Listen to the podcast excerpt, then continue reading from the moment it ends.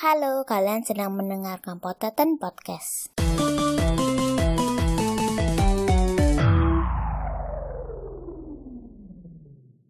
Halo semuanya, selamat eh, pagi, siang, malam. Berjumpa lagi di Potato Podcast episode kedua.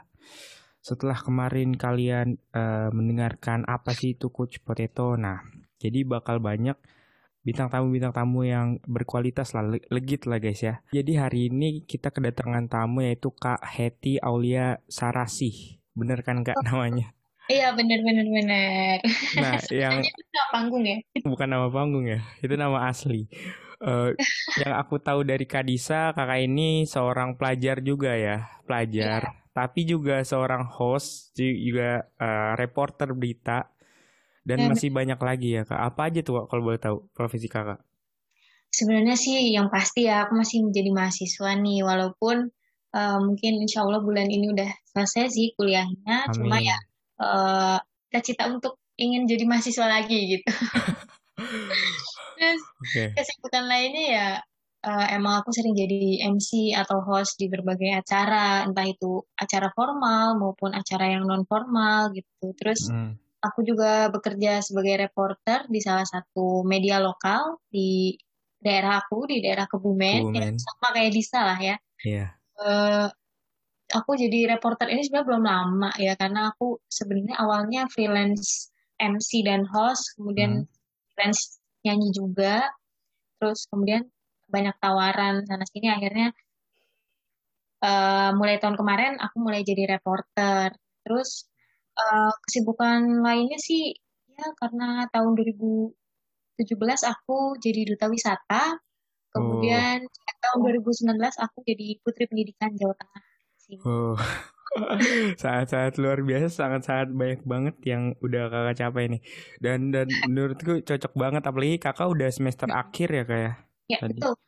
Nah, eh, cocok banget sama tema pada hari ini yaitu temanya adalah eh, apakah eh, jati diri itu penting atau enggak sih? Dan dan gimana cara kita menentukan jalan hidup kita gitu dengan jati diri kita gitu? Karena kayak kakak nih kakak kan student. Kakak kuliah di mana kalau boleh tahu? Di Unsud, aku Oh. di ya, aku masuk Fakultas Perikanan dan Ilmu Kelautan. Hmm, nah itu kan pas awal masuk kuliah itu udah kayak nyoba-nyoba jadi freelance nyoba-nyoba jadi eh, apa pun itu atau atau belum pas kuliah?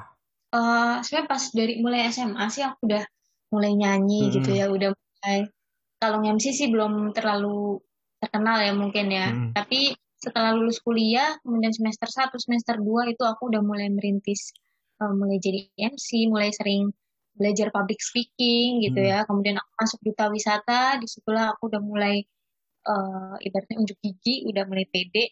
Eh. Akhirnya mulai banyak tawaran lah di situ. I see, I see. Nah, saking banyaknya gitu kak, eh, kakak eh, pernah nggak di titik di mana kakak bingung eh, jati diri kakak nih sebenarnya siapa sih kayak kakak nih apakah seorang student gitu atau seorang eh, entertainer gitu atau pernah nggak di titik itu? mengalami nggak cuma nggak cuma sekali ya mungkin Hmm. aku mengalami itu di waktu SMA dulu karena ya aku dulu sempat apa ya, ibaratnya termasuk anak yang cenderung nakal sih kalau waktu SMA ya kan aku hobi banget di musik gitu Hmm. kemudian orang tua emang eh, nyuruh aku untuk fokus dulu di sekolah gitu ya sementara waktu itu udah mau ujian nasional eh, kebayang lah ya udah mulai banyak les suruh les suruh ini suruh itu gitu kan Hmm. sementara kegiatan-kegiatan aku kayak manggung gini-gini menurut aku itu juga penting gitu kan Iya. akhirnya kayak sering bolos les kemudian eh, lebih milih manggung gitu sampai pernah orang tua dipanggil sama guru ke sekolahan gara-gara aku nggak berangkat les gitu ya Hmm. Cuma eh, aku menyadari bahwa oh di situ aku lagi mencari itu jati diri aku gimana eh, di situlah penentuan aku akhirnya aku sudah memilih aku udah mulai bisa menempatkan diri oh aku harus memilih suatu hal yang penting Hmm. eh, bagi masa depan aku ini jauh lebih penting gitu dan akhirnya aku memprioritaskan waktu itu sekolahku dulu Oh. aku lulus SMA kemudian mulailah nih daftar-daftar kuliah ya Hmm. aku jujur sebenarnya nggak terfikirkan tadinya untuk kuliah di perikanan gitu ya Iya. Jauh banget emang jauh banget. Dan Demokrasi ya itu cukup eh, menjadi ini juga kayak dilema lagi di situlah aku mulai kayak bergejolak lagi nih jati dirinya kayak aduh hmm. salah jurusan nggak ya masuk ke sini gitu walaupun memang itu juga salah satu rekomendasi dari orang tua bahwa jurusan ini bagus juga untuk ke depannya gitu ya untuk prospek ke depannya lumayan bagus. Kemudian karena basic aku juga di IPA ya SMA-nya jadi uh, Fakultas Perikanan dan Ilmu Kelautan ini juga banyak di IPA jadi oh oke okay, mungkin aku cocok di sini gitu ya. Awal-awal kuliah itu jelas lah semester 1 semester 2 aku bener-bener sedang dalam masa mencari jati diri sampai IP aku aja waktu itu kayaknya belum belum nyampe tiga gitu ya. Karena saking aku masih masa iya sih aku di sini? Gitu yeah, yeah. ya. iya. Kan di musik passion aku kan di sini. Tapi memang orang tua itu dari dulu walaupun aku sering berprestasi di non akademik kayak di musik hmm. di uh, sastra gitu ya kayak drama teater kemudian musikalisasi puisi dan lain sebagainya.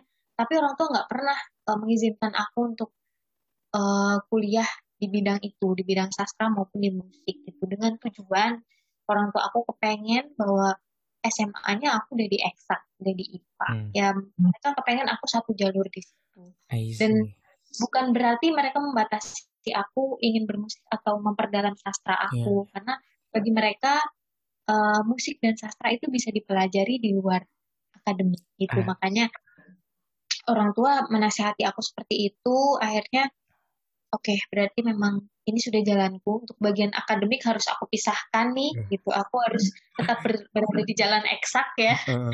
Kemudian aku bisa mencari ilmu lain di luar sana yang uh, di luar kuliah aku gitu, di luar studi aku. Misalkan aku studinya tetap di eksak, aku bisa mencari ilmu lain di luar entah itu aku public speaking, entah itu aku nyanyi, entah sastra dan lain sebagainya aku bisa mempelajari.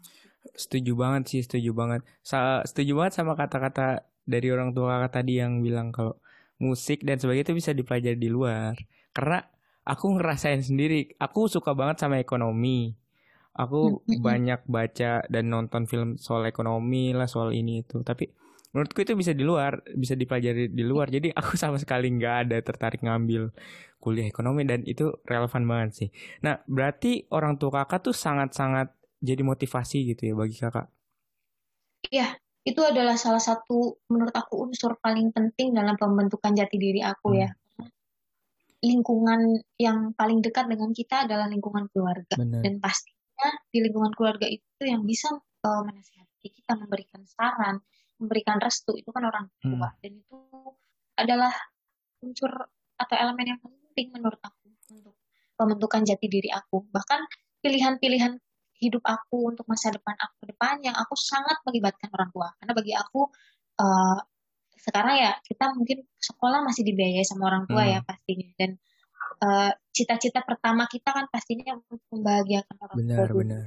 jadi ya aku berpikirnya adalah satu yang aku utamakan adalah orang tua gimana cara aku membahagiakan orang tua baru aku membahagiakan diriku sendiri makanya karena ya alasan itulah yang membuat aku memilih jati diri aku untuk akademik akademik kemudian non akademik aku juga tetap pelajari karena bagi aku Tuhan itu menganugerahkan kita otak dan kemampuan yang sangat luar hmm. biasa gitu.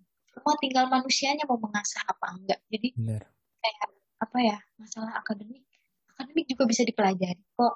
Non akademik misalkan kalian belum bisa sebenarnya kalau kalian punya kemauan mau kalian uh, sesusah apa pun menyerap itu tapi kalau kalian punya kemauan untuk mempelajari pasti kalian bisa. Gitu aja sih. Bener banget bener banget. Nah terus uh, berarti ini kan kalau aku lihat ya kakak nih nentuin jalan di, jati diri kakak sendiri gitu. Aku mau ke A ke A gitu. Aku mau jadi uh, di dunia entertain gitulah dan tanda kutip ya dan tapi di satu sisi lain orang tua kakak juga nyaranin gitu kan ngarahin akademiknya gitu ke mana.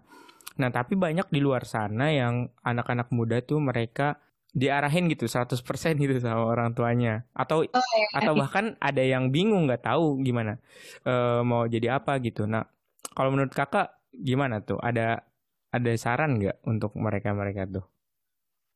Ya sebenarnya ini sih kelemahan kelemahan orang tua kita ya mungkin hmm. uh, aku bisa bilang ini sebuah kelemahan karena di masa era sekarang ini kita nggak bisa memaksakan uh, kehendak gitu aja oke misalkan kita memaksakan anak kita kayak orang tua aku memaksakan aku untuk tetap akademiknya di eksak gitu ya hmm. tapi dia juga memberikan solusi bahwa aku diberikan keleluasaan untuk mempelajari hal apa pun di luar sana, di luar akademik aku gitu. Hmm. Jadi mereka pun tetap mendukung aku meskipun aku uh, pengen jadi reporter, aku jadi MC yang itu di luar dari kuliah, kuliah. aku, tapi mereka tetap mendukung dan tetap support gitu. Karena selagi itu hal yang positif, uh, bagi aku sih itu bukan hal yang bisa mengganggu ya dan itu tergantung dari pribadi kita masing-masing. Hmm. Kalau memang sanggup untuk menjalani itu, kita bisa komitmen untuk uh, gimana cara membagi waktunya, itu menurut aku bukan hal yang susah gitu. Jadi ya tinggal kembali ke pribadi masing-masing. Hmm. Dan saran aku sih buat teman-teman di luar sana ya yang mungkin kesulitan nih untuk mencari jati dirinya, awalilah dengan hal-hal yang kalian sukai gitu. Jadi hmm. apa ya? Apa yang menjadi kesukaan kalian itu memang belum tentu uh, akan apa ya ibaratnya jadi pekerjaan. kehidupan pokok iya. kita gitu. Iya kan belum tentu jadi kehidupan pokok kita tapi itu akan menjadi sampingan kita yang mungkin juga bisa bisa apa ya menghasilkan bisa nge-refresh otak kita dan bisa menambah wawasan kita gitu aja sih. Ketika seseorang udah nemu oh aku mau jadi penyanyi misal.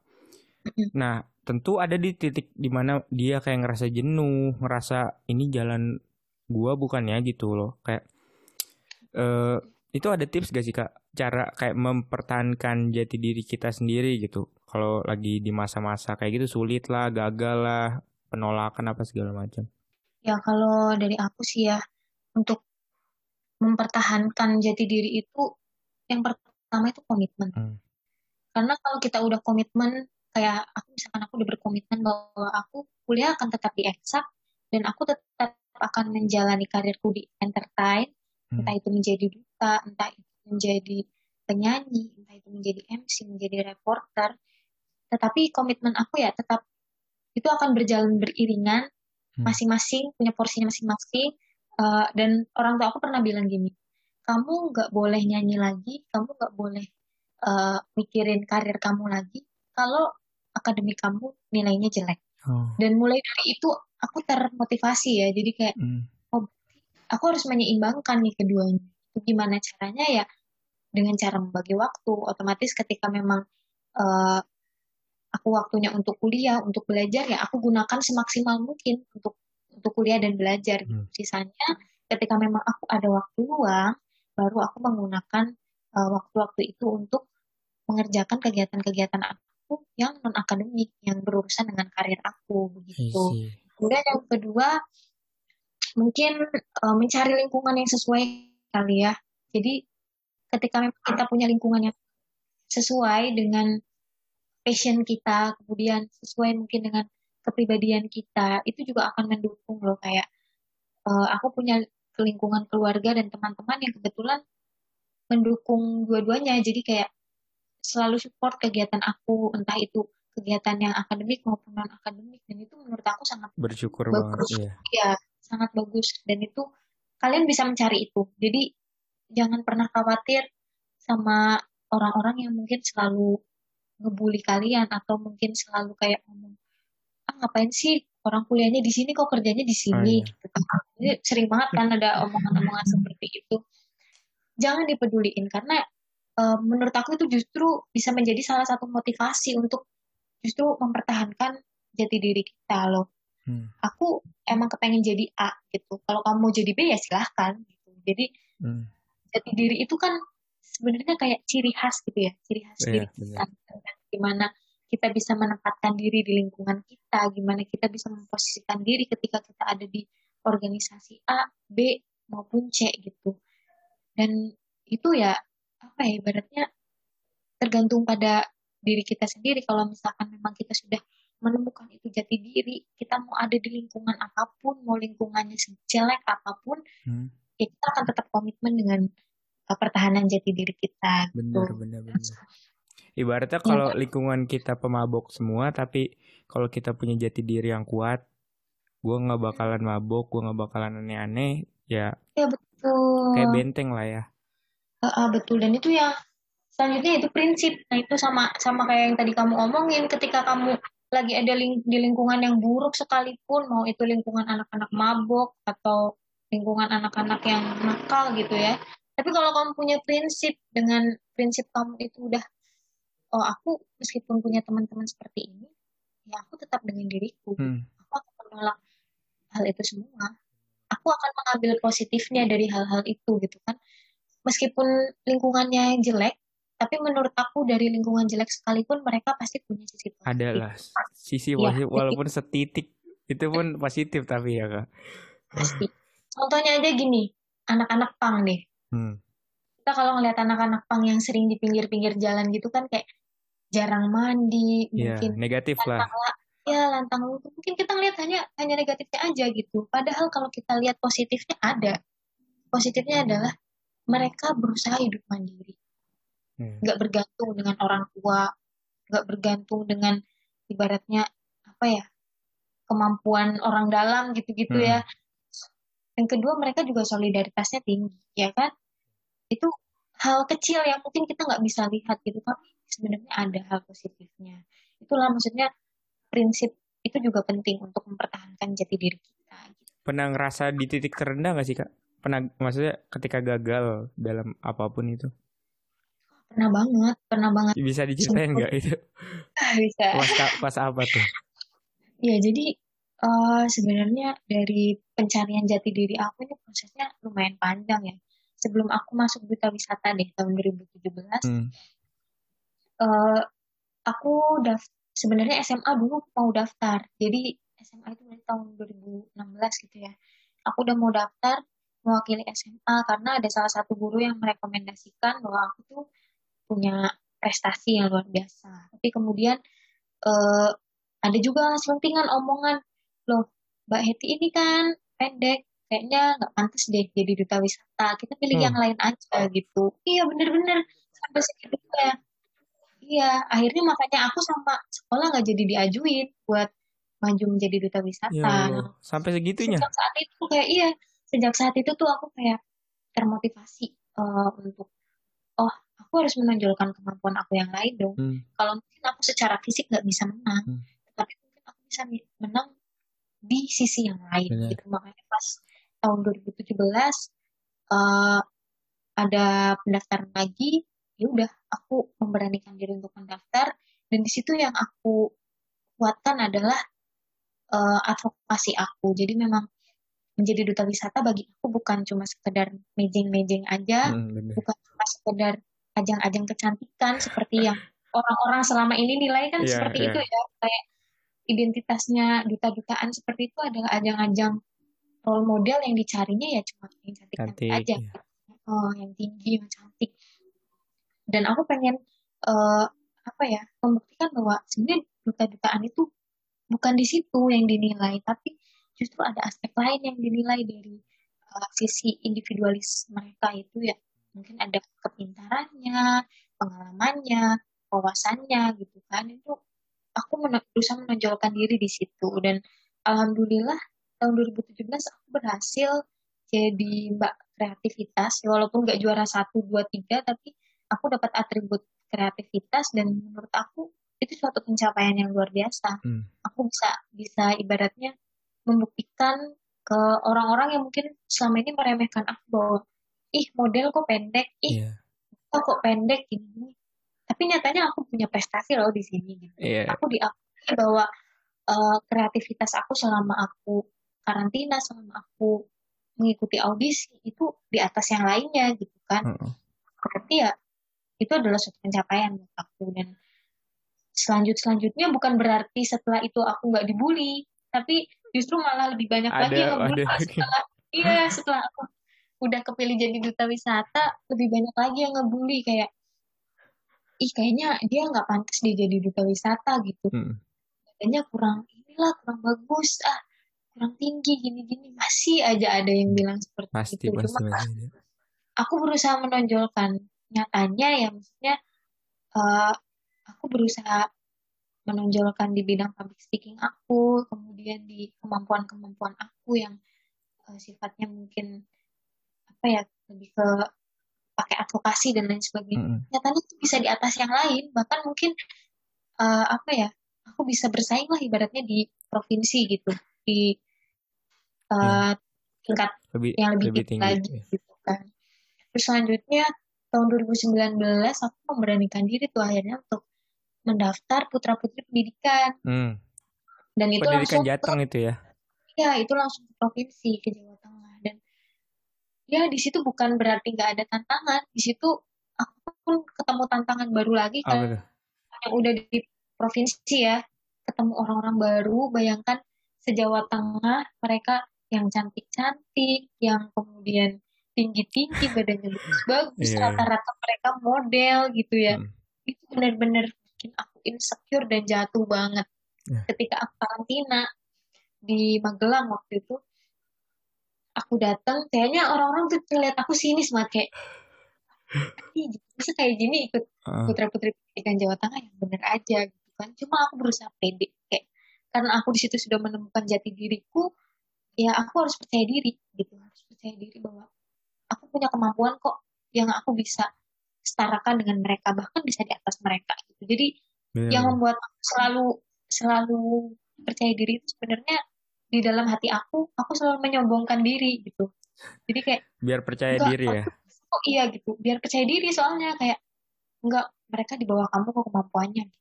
tenang aja gitu jadi itu yang selalu aku tanamkan di otak aku makanya beneran ketika kayak misalkan disuruh pre- presentasi ya atau disuruh eh, ngasih tahu apa sih program-programnya ketika mau jadi putra putri pendidikan Hmm. gitu kan ya aku pede dan aku berusaha apa ya menjelaskan semampu aku semaksimal aku dan aku berusaha menunjukkan bahwa aku tuh di atas kalian sampai yang nonton tuh akhirnya kayak oh iya kok aku jadi insecure nih sama anak ini gitu Iya, ya iya. Ya, kayaknya dari cara ngomongnya dari cara presentasinya udah bagus banget udah oke gitu jadi ya ketika kamu memang gak unggul di dalam salah satu hal kamu bisa unggulkan itu di dalam hal yang lain jadi Iya. menurut aku memang selalu ada rasa insecure rasa, rasa kita jatuh rasa kita berada di bawah di mana apalagi kalau kita ngalamin yang namanya bully membuli gitu ya apalagi udah urusannya fisik yang ibaratnya Gak bisa. fisik itu kan udah Nggak bisa karunia diubah, Tuhan. bisa iya, diubah. iya, itu